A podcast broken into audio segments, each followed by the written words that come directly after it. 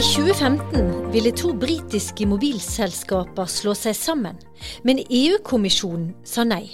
Selskapene anket, og forbudet ble opphevet. Og mange spådde at denne saken ville tvinge EU til å bli mindre streng i fusjonssaker. Men det var før EU-domstolen i sommer kom med sin avgjørelse. Hva betyr den for fusjonskontrollen i Europa og i Norge? Magnus Friis Reitan, velkommen. Takk. Du er konkurranseøkonom og har jobbet med en rekke små og store fusjonssaker her i Konkurransetilsynet de senere årene. Og Du er nå nestleder ved Avdeling for mat, handel og helse. Men i dag skal det handle om altså en stor fusjonssak i mobilmarkedet i Storbritannia. Og det er en sak som har gått sine runder i EUs rettssystem i mange år teleselskapet Hutchinson sitt oppkjøp av et annet teleselskap, O2, i 2016. Og Magnus, hvilke selskaper er dette? Så for å ta Hutchinson først, da, så er de, de har merkevaren Three i uh, Storbritannia. Uh, og Three var i 2016 så var de nyeste ankomne teleselskap som hadde omtrent 10% markedsandel i det britiske mobilmarkedet. Mm. Og eh, De som er interessert i engelsk fotball, har kanskje lagt merke til i hvert fall denne Three-logoen på, på, draktene til en viss klubb fra London. Ja, det stemmer. De, eh, inntil denne sesongen som nettopp begynte, så var det et flammende tretall på eh, brystet på trøyene til eh, Chelsea. Mm. Og eh, det var da Three som sponset Chelsea. Ja, Så har vi O2, da. Ja, O2 det er da spanske Telefonica, eh, som igjen er spanske gamle telemonopolisten, eller Televerket som det heter i, i Norge. Eh, det er Telefonica sitt datterselskap i Storbritannia.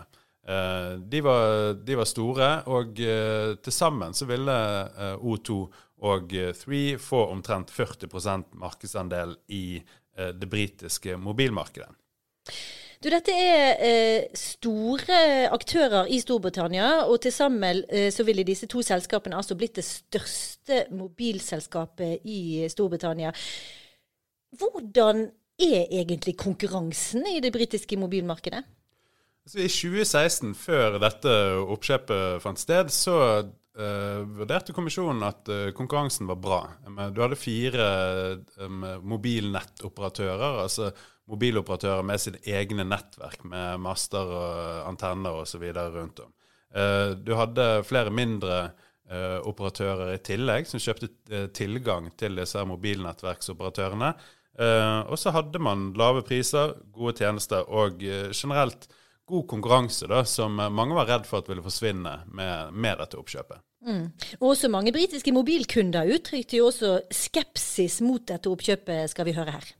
So, how do you feel about the fact that we might have three mobile phone companies instead of four or five? Um, I think it's a bit worrying to be honest because prices might go up, the deals might change. Good coverage. That's why I've chose to stay with O2 throughout the years.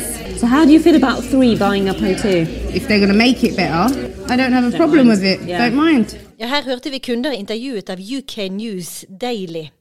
Oppkjøpet ble jo kjent i 2016, men saken er jo ennå ikke avgjort. Vi må nesten tilbake til begynnelsen, altså 2015.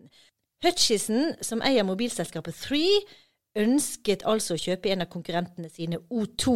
Hvem er det da som må godkjenne oppkjøpet? I denne saken så var det EU-kommisjonen som skulle eh, eventuelt eh, godkjenne eller uh, forby dette oppkjøpet. Kommisjonen behandler fusjonssaker eh, som er av en viss størrelse, og som har virkning i flere EU-land. Eh, og eh, Så i praksis så betyr det at de store eh, fusjonene og oppkjøpene de havner på EU-kommisjonen sitt bord. Mm. I årene før denne eh, britiske telefusjonen som vi snakker om nå, eh, i årene før hadde kommisjonen grepet inn mot en rekke mobilfusjoner i ulike europeiske land. I eh, Irland, i Østerrike, eh, i Tyskland. Eh, typisk så var det da at du hadde fire mobiloperatører som ble til tre etter oppkjøpet. Og da hadde kommisjonen typisk altså tillatt disse oppkjøpene, men grepet inn og krevd avhjelpende tiltak da, for å uh, tillate oppkjøpet. Mm. Men så kom jo Margrethe Vestager da, inn som ny konkurransekommissær i ja, 2014, var det vel. Og i hvilken grad påvirket det EU-kommisjonen og konkurransepolitikken? Ja, altså, i, i Året etter, i 2015, så uh, prøvde Telenor, som vi kjenner godt uh, her hjemmefra, og Telia i Danmark de prøvde å slå seg sammen, de to danske datterselskapene. Og det varslet kommisjonen at det ville de gripe inn mot. Rett før uh, kommisjonen hadde frist til å komme med endelig vedtak, uh, så trakk Telenor og Telia seg fra denne avtalen. Altså de, de ville ikke lenger slå seg sammen. Så det, Mange tolket det som et tegn på at okay, nå har kanskje kommisjonen blitt litt strengere. Da, for tidligere så hadde de tillatt disse oppkjøpene, men med avhjelpende tiltak. Mm. Ja, for Hvis vi går til 2016 da, og Storbritannia, så mente kommisjonen da at Three sitt oppkjøp av O2 ville begrense konkurransen. Og Her skal vi høre hva Margrethe Vestager sa da hun kom med EU-kommisjonens konklusjon. Uh, this transaction would have created a market leader. A market leader that would have had uh, influence over the entire uh, mobile uh, network infrastructure in the UK. Uh, our investigations revealed uh, significant competition concerns with this deal. It would very likely have led to higher prices and less choice for UK consumers. Ja, Det var Margrethe Vestager vi hørte her, og EU-kommisjonen sa altså nei. De forbød dette oppkjøpet. Og Magnus, hvorfor det? Altså, de skrev et uh, omfattende vedtak der de uh, forbød, som du sier, hele Three sitt uh, oppkjøp av O2. Overordnet så gikk man her fra fire operatører med sine egne mobilnettverk til tre mobilnettverksoperatører. Um, videre så mente kommisjonen at de to de var nære konkurrenter, og særlig at Three var en slags sånn utfordrer i markedet som var særlig viktig for konkurransen. Kommisjonen kom til at det kom til å føre til uh, høyere priser og dårligere kvalitet til uh, britiske mobilkunder. Og så I tillegg så mente de at i grossistmarkedet, altså der hvor andre mobiloperatører kan kjøpe tilgang til nettverkene til 3 og O2, så vil også konkurransen bli begrenset.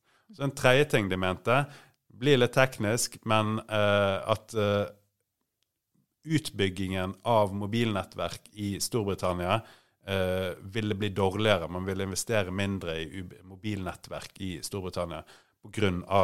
Eh, oppkjøpet. Eh, kommisjonen godtok heller ikke de avhjelpende tiltakene som partene eh, prøvde seg med i saken. Så konklusjonen det var fullt forbud mot oppkjøpet. Mm.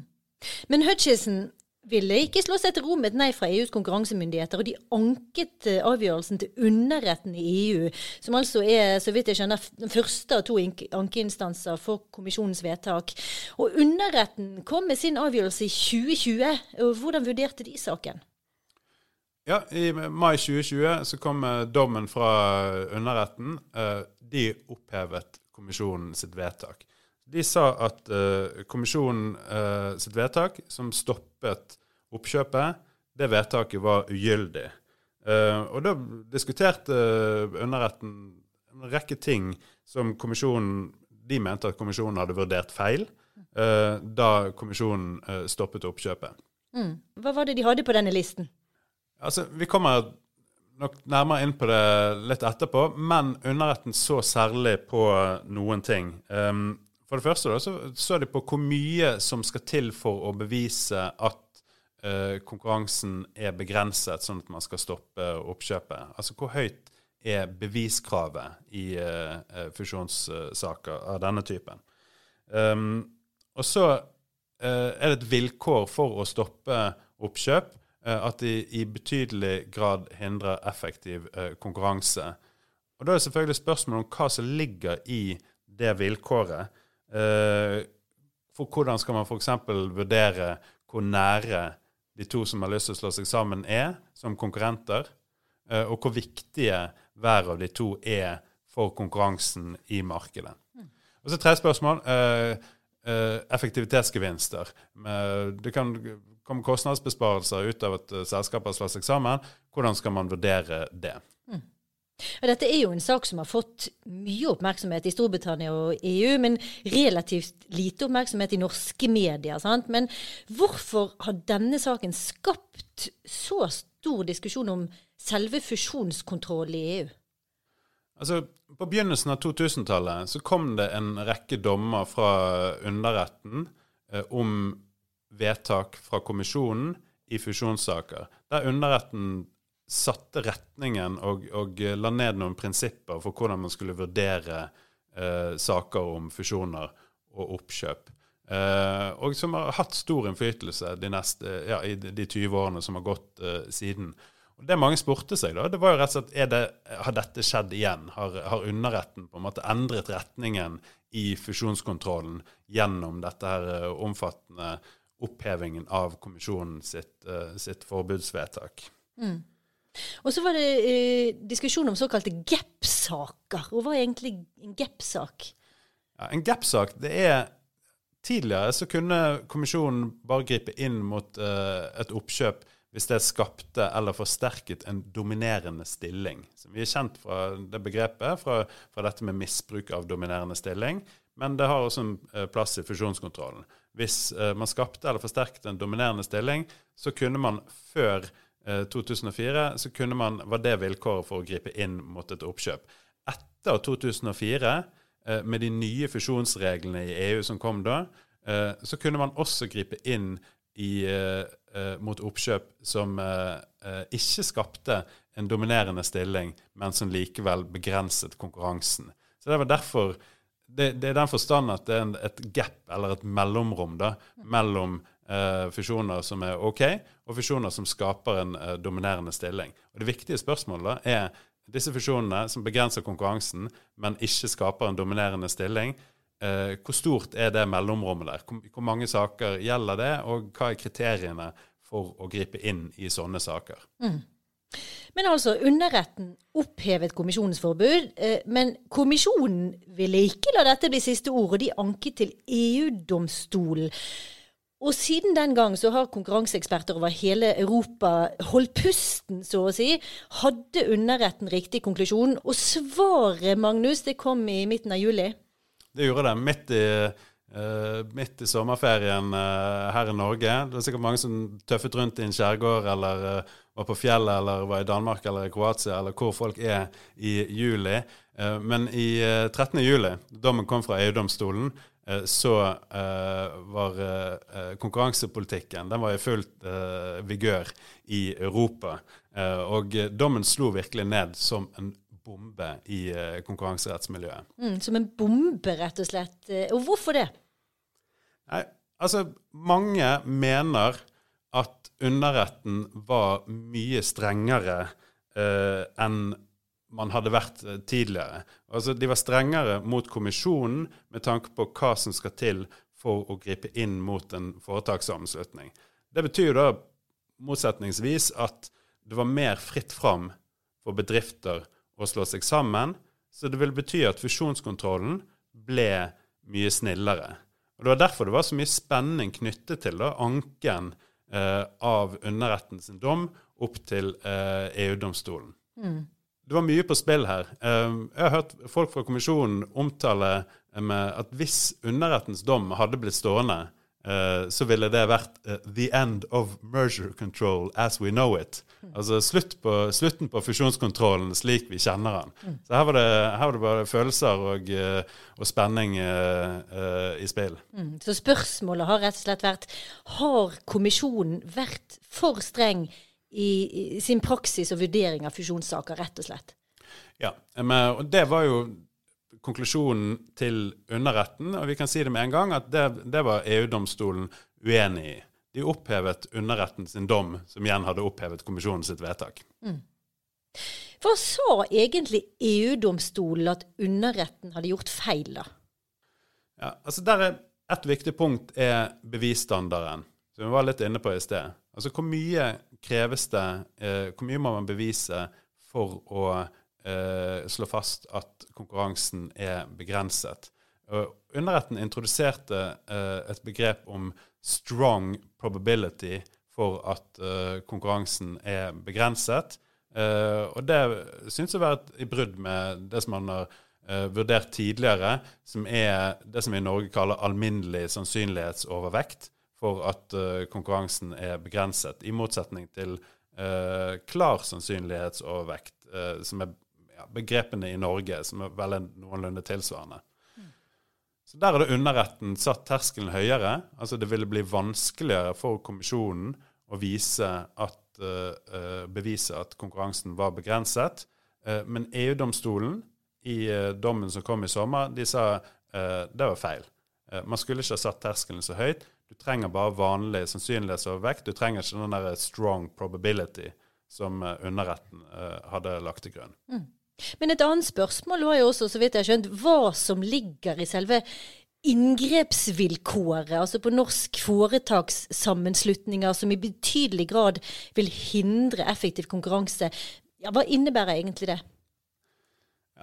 Det er jo også et sentralt spørsmål. Uh, underretten hadde sagt at uh, man både måtte fjerne konkurransepress mellom de to partene i en foretakssammenslutning, og man måtte redusere konkurransepresset på øvrige konkurrenter i markedet. Det sa også EU-domstolen at det er for strengt. Så de avviste det også.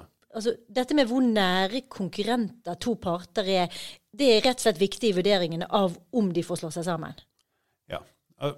Det er jo ganske intuitivt, egentlig. Altså, jo nærere konkurrenter eh, to bedrifter er, eh, desto mer de kniver om de samme kundene, f.eks., desto mer eh, konkurranse forsvinner når de to slår seg sammen. Så du kan tenke deg at et mobilselskap henvender seg til ungdommer som kjøper kontantkort. Et annet mobilselskap henvender seg til milliardærer. Hvis de to slår seg sammen, så er de kanskje ikke så nære konkurrenter, så det har kanskje ikke like mye å si at de slår seg sammen. Men hvis begge to selskapene henvender seg til ungdommer som bruker eh, kontantkort, så kan det hende at de to er nærere konkurrenter. Mm. Um, underretten hadde sagt at de to må være særlig nære konkurrenter for at dette momentet skal komme i spill. Da.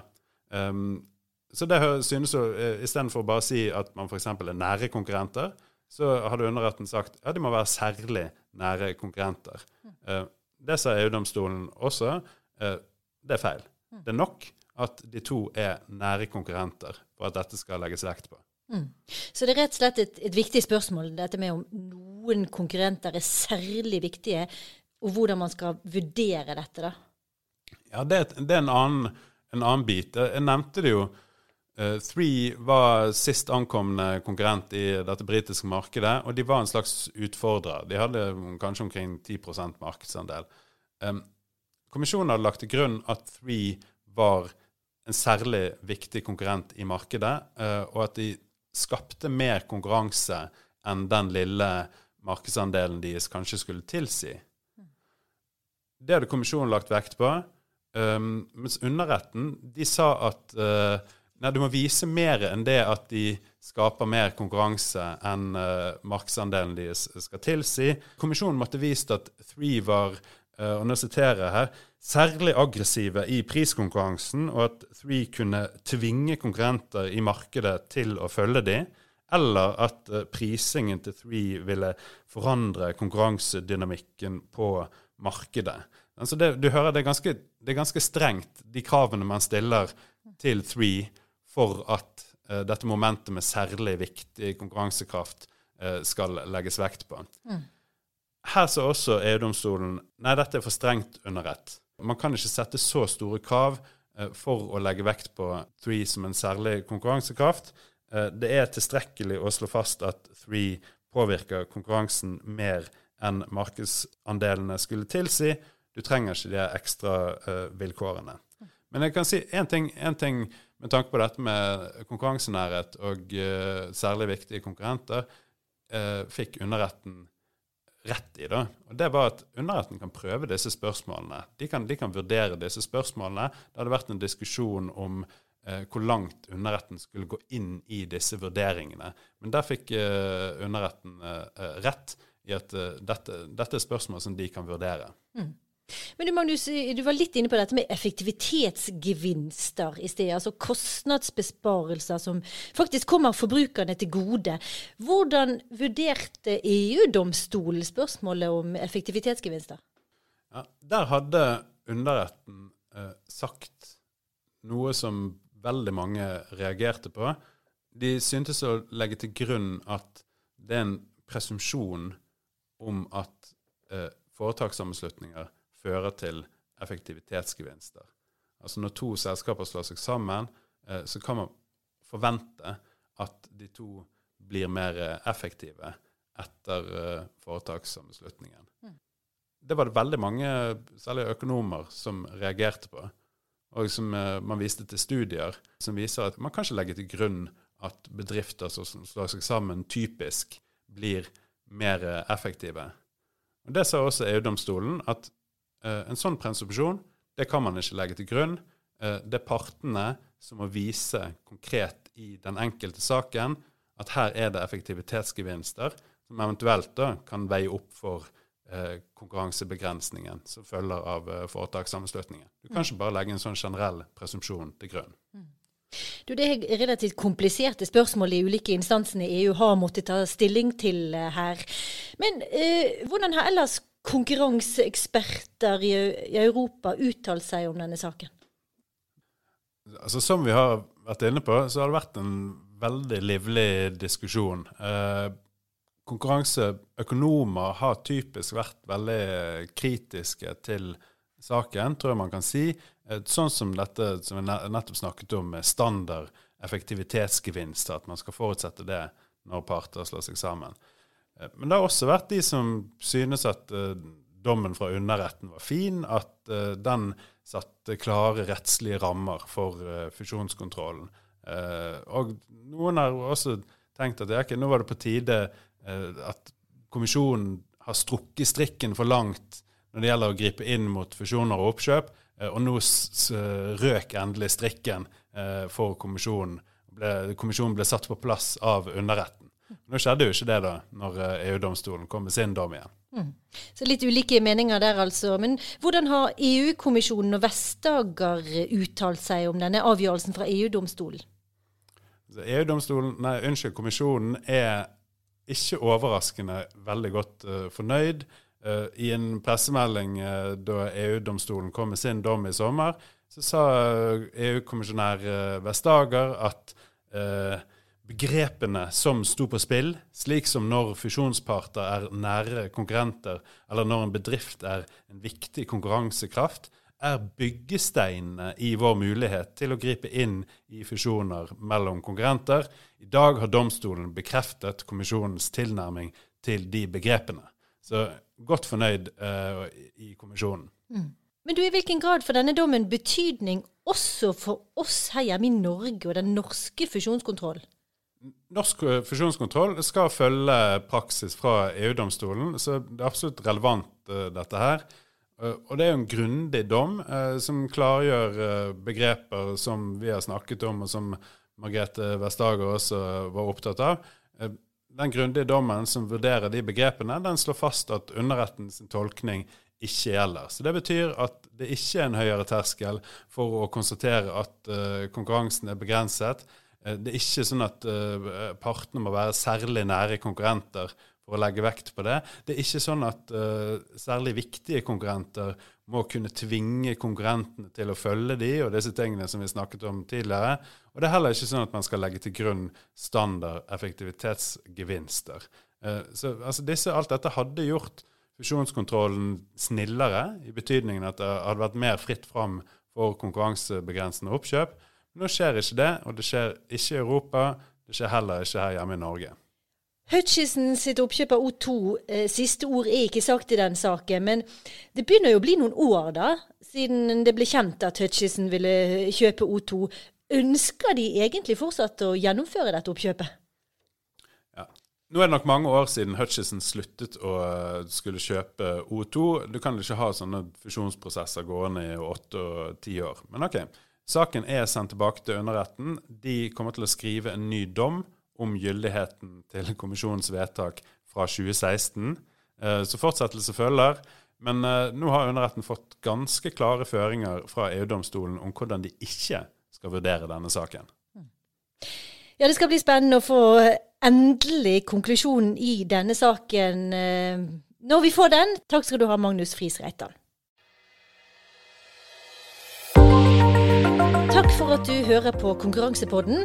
Jeg heter Siri Løken og jobber i Konkurransetilsynets kommunikasjonsstab. Sjekk nettsidene våre for flere nyheter, og følg oss også på Facebook, LinkedIn og Twitter. Konkurransepodden er tilbake med ny episode om ikke så lenge. På gjenhør.